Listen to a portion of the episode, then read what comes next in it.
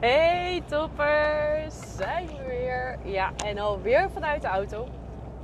Dit keer trouwens niet uh, vanuit Naaldwijk naar Voorburg. Uh, want ik uh, heb vandaag niet gewerkt. Het is eh, vrijdag als ik deze opneem.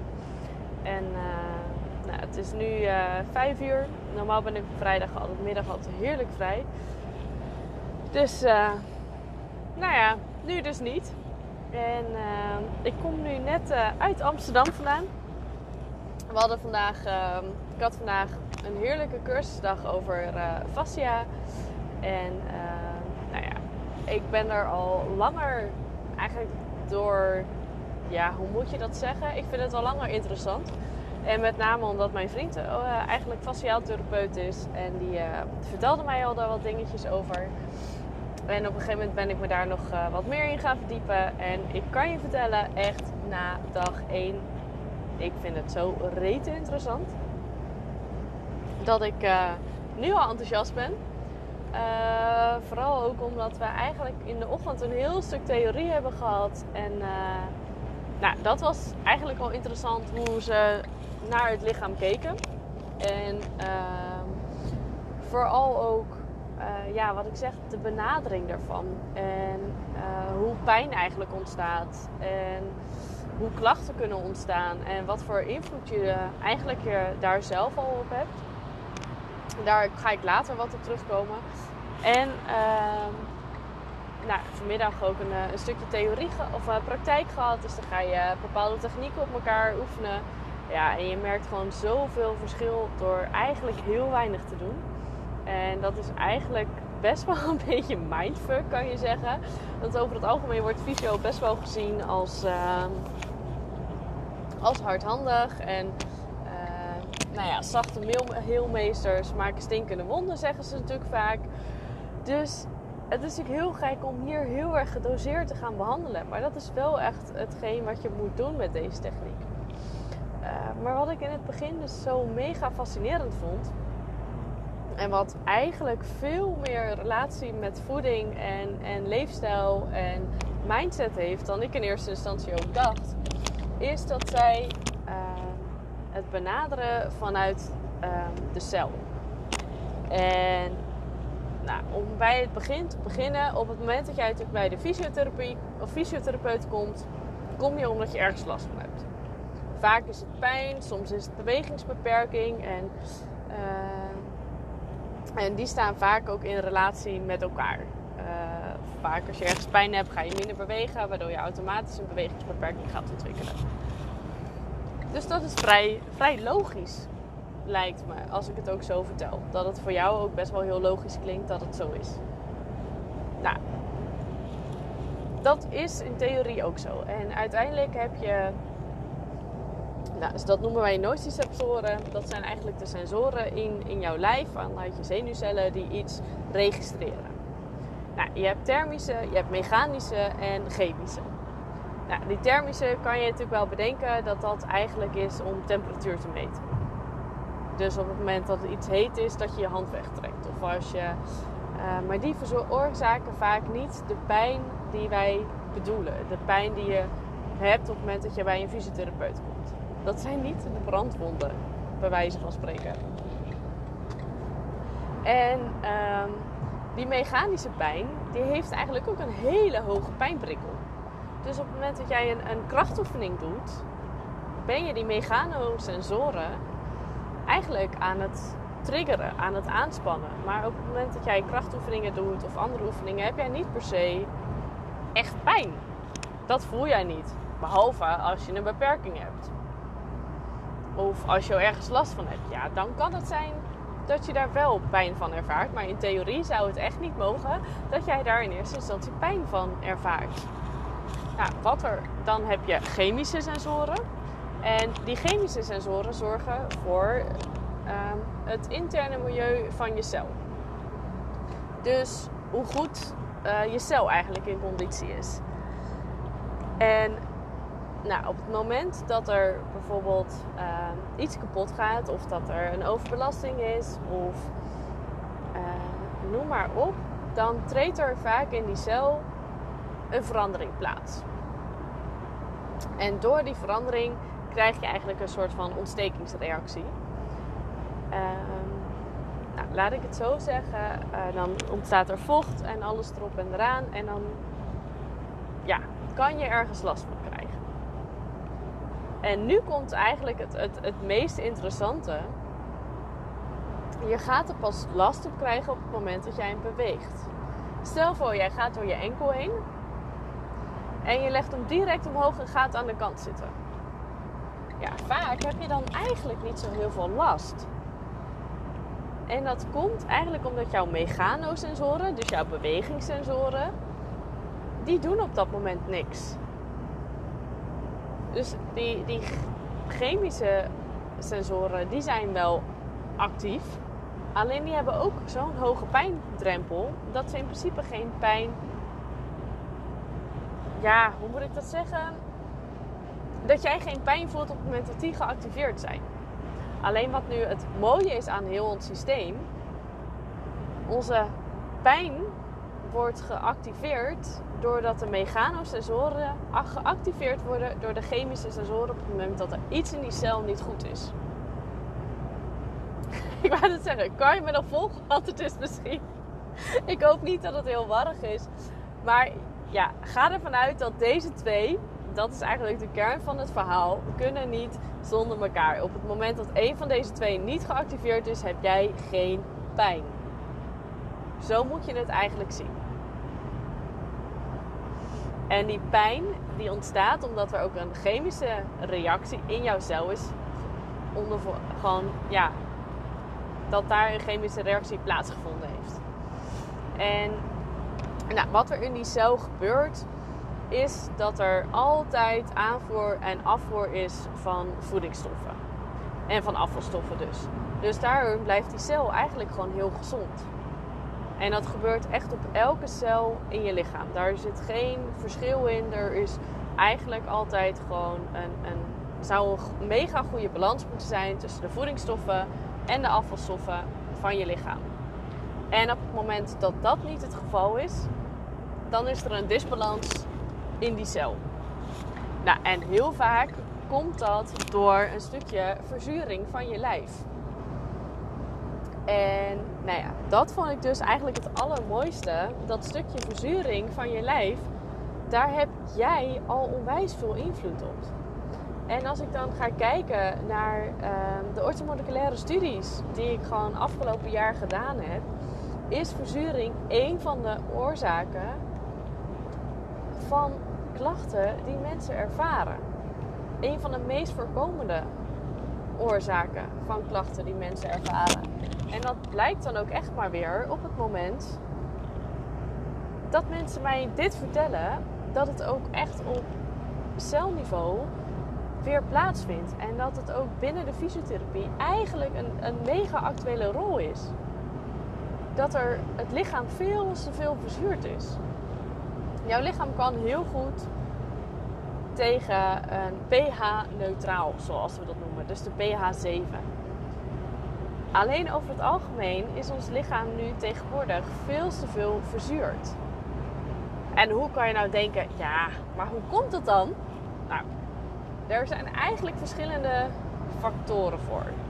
Je kan verzuren door heel veel zure voeding te eten. Uh, denk hierbij aan, aan vlees, aan alcohol, aan suikers, aan, nou ja, noem maar ook maar op. Dat zijn eigenlijk voeding die, ja, die een verzuring kunnen plaatsvinden in je lichaam. De groentes daarentegen en de fruit, dat zijn eigenlijk basische voedingsstoffen. En deze basische voedingsstoffen zorgen dat die zuur-baasbalans weer eigenlijk optimaal is. Alleen wat wij tegenwoordig doen is dat wij veel meer zure voedingsstoffen tot ons nemen in plaats van basische voedingsstoffen. Dus er is geen lekkere verhouding meer. Nou, als daar al geen lekkere verhouding tussen is in wat jij naar binnen werkt, ja, hoe verwacht je dan dat er in die cel ook een goede verhouding is? Ja, dat gaat natuurlijk eigenlijk gewoon niet lukken. Dus dat is eigenlijk verzuring oorzaak nummer 1. Wat jij eet heeft daar daadwerkelijk invloed op. Dus dat heeft ook daadwerkelijk invloed op je herstel als je klachten hebt. Want wat je eigenlijk wil is dat die cel weer optimaal gaat functioneren. Dus dat hij weer die pH-neutraal gaat bereiken. En dat die afvalstoffen dan weer afgevoerd worden. Want die afvalstoffen die zorgen ook voor verzuring. Dus dan gaat die pH-waarde naar beneden. Nou, dat kan je jezelf, dus je herstel al heel erg beïnvloeden door gewoon echt gezond te eten. Wat vaker vlees te laten staan. Ehm, geen geraffineerde suikers toe te voegen. Of gewoon eigenlijk gewoon niet te eten. Gewoon even geen alcohol drinken. Ehm, net als koffie. Echt koffie gaan minderen. Want dat zorgt er ook voor dat je lichaam harder gaat werken en harder verzuurd is. Nou, dat is eigenlijk één. En daarnaast heb je eigenlijk nog drie, twee, drie factoren. De tweede is bewegen. Ga alsjeblieft op het moment dat jij ergens last van hebt, niet stilzitten. Want als jij stil zit, komt er geen beweging in die spier. En die beweging in, in, in die spier, in dat gewricht, zorgt juist voor doorbloeding. En op het moment dat jij een stukje doorbloeding hebt, ja, dan kan je die afvalstoffen afvoeren. Op het moment dat jij stil gaat zitten en helemaal niks gaat doen, ja, dan gaan die afvalstoffen gaan zich ook niet afvoeren, omdat ze die beweging niet hebben. En nu zeg ik natuurlijk niet dat je volle bak 20 kilometer moet gaan hardlopen als je dat nooit doet, of als je een knieblessure hebt, of dat je ineens onwijze krachttraining moet gaan doen. Nee, dat wil je maar echt absoluut niet zeggen. Want dat zou ook echt ontzettend stom zijn om te doen. Omdat je daarmee je lichaam weer heel erg verzuurt. Omdat je spierpijn gaat krijgen en je gaat boven je grenzen. Over je grenzen heen bedoel ik. Dus dat is niet de bedoeling. Maar gewoon lekker uh, onbelast. Stel dat je, laten we je enkel als voorbeeld nemen. Je bent net door je enkel heen gegaan. Hij is dik. En op het moment dat je er niet op steunt, dan gaat het best wel heel erg goed. Nou, wat je er zelf al kan doen, is dat je hem onbelast gaat bewegen. Dus je tenen naar je toe, je tenen van je af, je voet iets naar links draaien of naar binnen draaien, iets naar buiten draaien, rondjes draaien linksom, rechtsom, je knie buigen en strekken. Dat zijn allemaal oefeningetjes die je onbelast gewoon kan doen om jouw herstel te bevorderen. Waardoor je die doorbloeding bevordert en waardoor je de aanvoer en afvoer uh, eigenlijk ook stimuleert. Nou, dat, zou, dat is eigenlijk nummer twee wat je zou moeten doen. Dus één is echt gewoon gezond gaan eten op het moment dat jij goed wil herstellen. Twee is echt gewoon wel gaan bewegen, maar binnen de grenzen. Dus gewoon lekker ook als het kan. Bijvoorbeeld als je last hebt van je rug, lekker gaan wandelen, gaan fietsen. Uh, ja, stop even met hele zware dingen tillen of hele zware krachttraining of hele zware cardio. Want dat heeft geen enkele zin. Want dan ga je je lichaam weer meer verzuren omdat het veel, je te veel vraagt van je lijf. Want het derde punt is namelijk stress. Reduceer je stress. Stress zorgt ten alle tijden voor verzuring. Daar is echt geen spel tussen te krijgen. Stress verzuurt je lijf. En een beetje basisstress is goed. Want we hebben het ook wel nodig om af en toe alert te zijn. Maar op het moment dat jouw lichaam continu in een stressstand staat, ja, dat gaat gewoon niet werken. Dan staat jouw lichaam continu aan en heeft geen moment van ontspanning. Nou, op het moment dat jouw lijf natuurlijk geen ontspanning... Sorry, ik word waarschijnlijk een beetje enthousiast. En ik vergeet even adem te halen. Ook om... Nou ja, ook dit is natuurlijk ook gewoon een soort een vorm van stress. Dat je dan heel hoog in je energie zit en je adrenaline en alles wil vertellen. En eigenlijk merkt dat je gewoon niet meer rustig doorademt. Ja, wat eigenlijk natuurlijk gewoon niet zo heel goed is voor je, voor je lichaam. En ik merkte ook dat ik alles ging aanspannen. Ja, dat is gewoon niet, niet tof. Dus ondertussen dat ik nu voor jullie deze podcast opneem over dat je moet gaan ontspannen en je stress moet reduceren, zit ik ongeveer in de auto met geknepen billen, mijn handen aan het stuur, uh, vastgeknepen, uh, hoog in mijn ademhaling. Echt het perfecte voorbeeld zou ik zeggen, maar niet. Maar om ook gewoon aan te geven dat het bij mij ook gewoon echt niet gaat. En het kost ook echt wel ehm, ja, wat tijd, wat moeite, eh, wat focus om het uiteindelijk gewoon los te kunnen laten. Want dat gaat gewoon echt niet 1, 2, 3.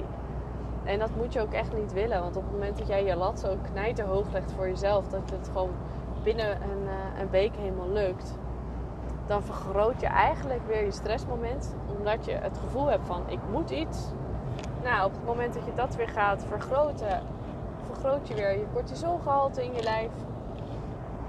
Nou, en zo zit je eigenlijk weer in een hele visuele cirkel naar beneden. Terwijl je eigenlijk je stress wilde reduceren. Maar dat je op deze manier gaat dat je gewoon echt niet lukken. Op het moment dat jij daar zo gefocust op bent. Maar ga lekker een, soms wat mediteren. Ga een boek lezen. Kijk wat minder tv. Uh, ja, wat minder blauw licht. Uh, ga wat eerder naar bed. Herstel zorgt ook altijd. Of slaap zorgt voor herstel. Um, ja, dat zijn allemaal van die kleine dingetjes die al daarin kunnen helpen om je stress wat te verminderen. Uh, waardoor je lichaam ook gewoon wat minder verzuurt. En waardoor jouw herstel gewoon bevorderd wordt. Ik zeg niet dat dat de enige oorzaak of de enige uh, manier of de drie manieren zijn. Soms moet je ook gewoon wel gewoon naar een fysiotherapeut die gewoon even dat. Ja, hoe moet je dat zeggen? dat weefsel zodanig losmaakt zodat de doorstroming gewoon, gewoon beter is. En dat bevordert je herstel. Maar zelf heb je er dus ook gewoon veel meer invloed op dan je misschien wel denkt. En nou ja, wat ik zeg, ik vond dit vandaag eigenlijk gewoon zo mooi, uh, ja, zo'n mooi inzicht dat ik hem ook gewoon echt wel met jullie wilde delen. Omdat ik dan echt dat stukje voeding, leefstijl, uh, mindset ook Um, en mijn, mijn vak als fysio nog meer met elkaar eh, connecten eigenlijk. Is dat een woord? Ja, geen idee. Voor nu eventjes wel. Maar je merkte die verbinding tussen die, die twee vakgebieden. Ik wist al dat ze heel veel met elkaar te maken hadden. Dat, ja, dat, ja, dat, dat merkte ik al aan alles. En dat merkte ik ook in mijn orthomoleculaire voedingopleiding. Alleen op een of andere manier was het vandaag echt alle dingen vielen, vielen op zijn plek. Dus wat nog wat losse stukjes waren, dat was echt, oh maar, oh maar wacht, zit dat zo, zit dat zo? En gaat het op die manier? En ja, dat was zo ontzettend tof um, om mee te maken. En zeker ook nadat we die bepaalde technieken hadden, hadden geoefend, is dat gewoon dat je echt denkt, maar hoe dan? Hoe, hoe en dan gaat het echt puur op ook het, het, het, het stukje ontspannen en het stukje loslaten. En zonder al te veel geweld te gebruiken, maar gewoon puur de doorstroming wat, wat stimuleren van, van je weefsels. En wat ik zeg, hoe beter de weefsels uh, in conditie zijn door wat jij naar binnen uh, gooit, om het zo maar te zeggen. En um, wat jij vraagt van, van je weefsels. Dus ook in, in krachttraining. Weet je, net als spierpijn. Spierpijn is vaak ook een soort van verzuring. Is ook een verzuring van je, van je cel. En dat hoeft op zich helemaal geen kwaad te kunnen. En blijf vooral lekker bewegen. Dan los je het namelijk. Uh, dan blijft, wordt dat, die afvalstoffen, die lactaatvorming, ja, die gaat eerder weg. Omdat je die pompwerking, wat ik net ook al zei, gewoon actief houdt. Op het moment dat jij stil gaat zitten, wordt het erger. Maar ga jij natuurlijk nu structureel jezelf helemaal kapot trainen en elke keer zorgen dat je spierpijn hebt, ja, dan gaat jouw lichaam, kan het zo zijn dat hij gewoon in die state uh, blijft, dat hij gewoon licht verzuurd is. En dan krijg je ook een vorm van overtraining. En op het moment dat je dat gaat krijgen, ja, dan is de kans op blessures eigenlijk best wel heel groot. En dat komt omdat je dan zelf die cel ook aan het verzuren bent. Omdat je je lijf aan het verzuren bent. En ja, ik vond het wat ik zeg zo mega interessant vandaag weer. En alles viel, viel op zijn plek. En ik hoop dat jij hier in ieder geval wat, wat aan gehad hebt op het moment dat je ook ergens last van hebt. Eén, stap ten alle tijden wel gewoon, uh, als het lang duurt, naar een fysiotherapeut. Wacht niet te lang. Want op het moment dat jij te lang wacht, wat ik ook heel vaak in de praktijk zie, dan zijn we er veel langer mee bezig. En soms als je echt gewoon direct aan de bel trekt, ja, dan is het soms echt met één behandeling, is het gewoon één of twee, kan je alweer zoveel meer. Dus dat is sowieso het eerste dingetje. En het tweede dingetje, pak rust. Zeker als er weefselschade is. Als er weefselschade is, bijvoorbeeld je bent door je enkel ingegaan en je enkelbanden zijn afgescheurd, ja, ga dan niet als een gek bewegen. En dan maak je het erger. Maar onbelast bewegen, dat is niet zo'n groot probleem. Maar is het gewoon een, een, lichte overbelasting? Ja, maar ga dan wel lekker wandelen. Laat wel, ga, zet wel je systemen aan. Dat is gewoon ontzettend belangrijk. Dus één, als je ergens heel lang last van hebt, ga alsjeblieft naar een fysio en zorg dat er naar gekeken wordt. Uh, maar twee, let op je voeding. Ga gewoon eens wat zo clean mogelijk eten. Uh, skip je suikers. Eet veel meer groente en fruit. Uh, laat suikers vooral verstaan. Met name geraffineerde suikers. Gewoon minder koolhydraten. verminder je koffie. Verminder je alcoholgebruik als je alcohol drinkt natuurlijk, of koffie. Maar zorg ervoor dat je wat meer basische producten gaat eten. Uh, nou, let op je beweging. Uh, ga niet volle bak trainen. Uh, bij luisteren naar je lijf wat hij wel en niet aan kan. zorg voor die ontspanning. Dus ga eens een keer een boek lezen. Ga gewoon eens een keer lekker lang uitliggen. Ga noem maar op. En kijk ook waar je stress vandaan komt. En pak die dan ook aan. Want ik weet zeker als je dat ongeveer ook doet, dan ben jij veel eerder van je klachten af.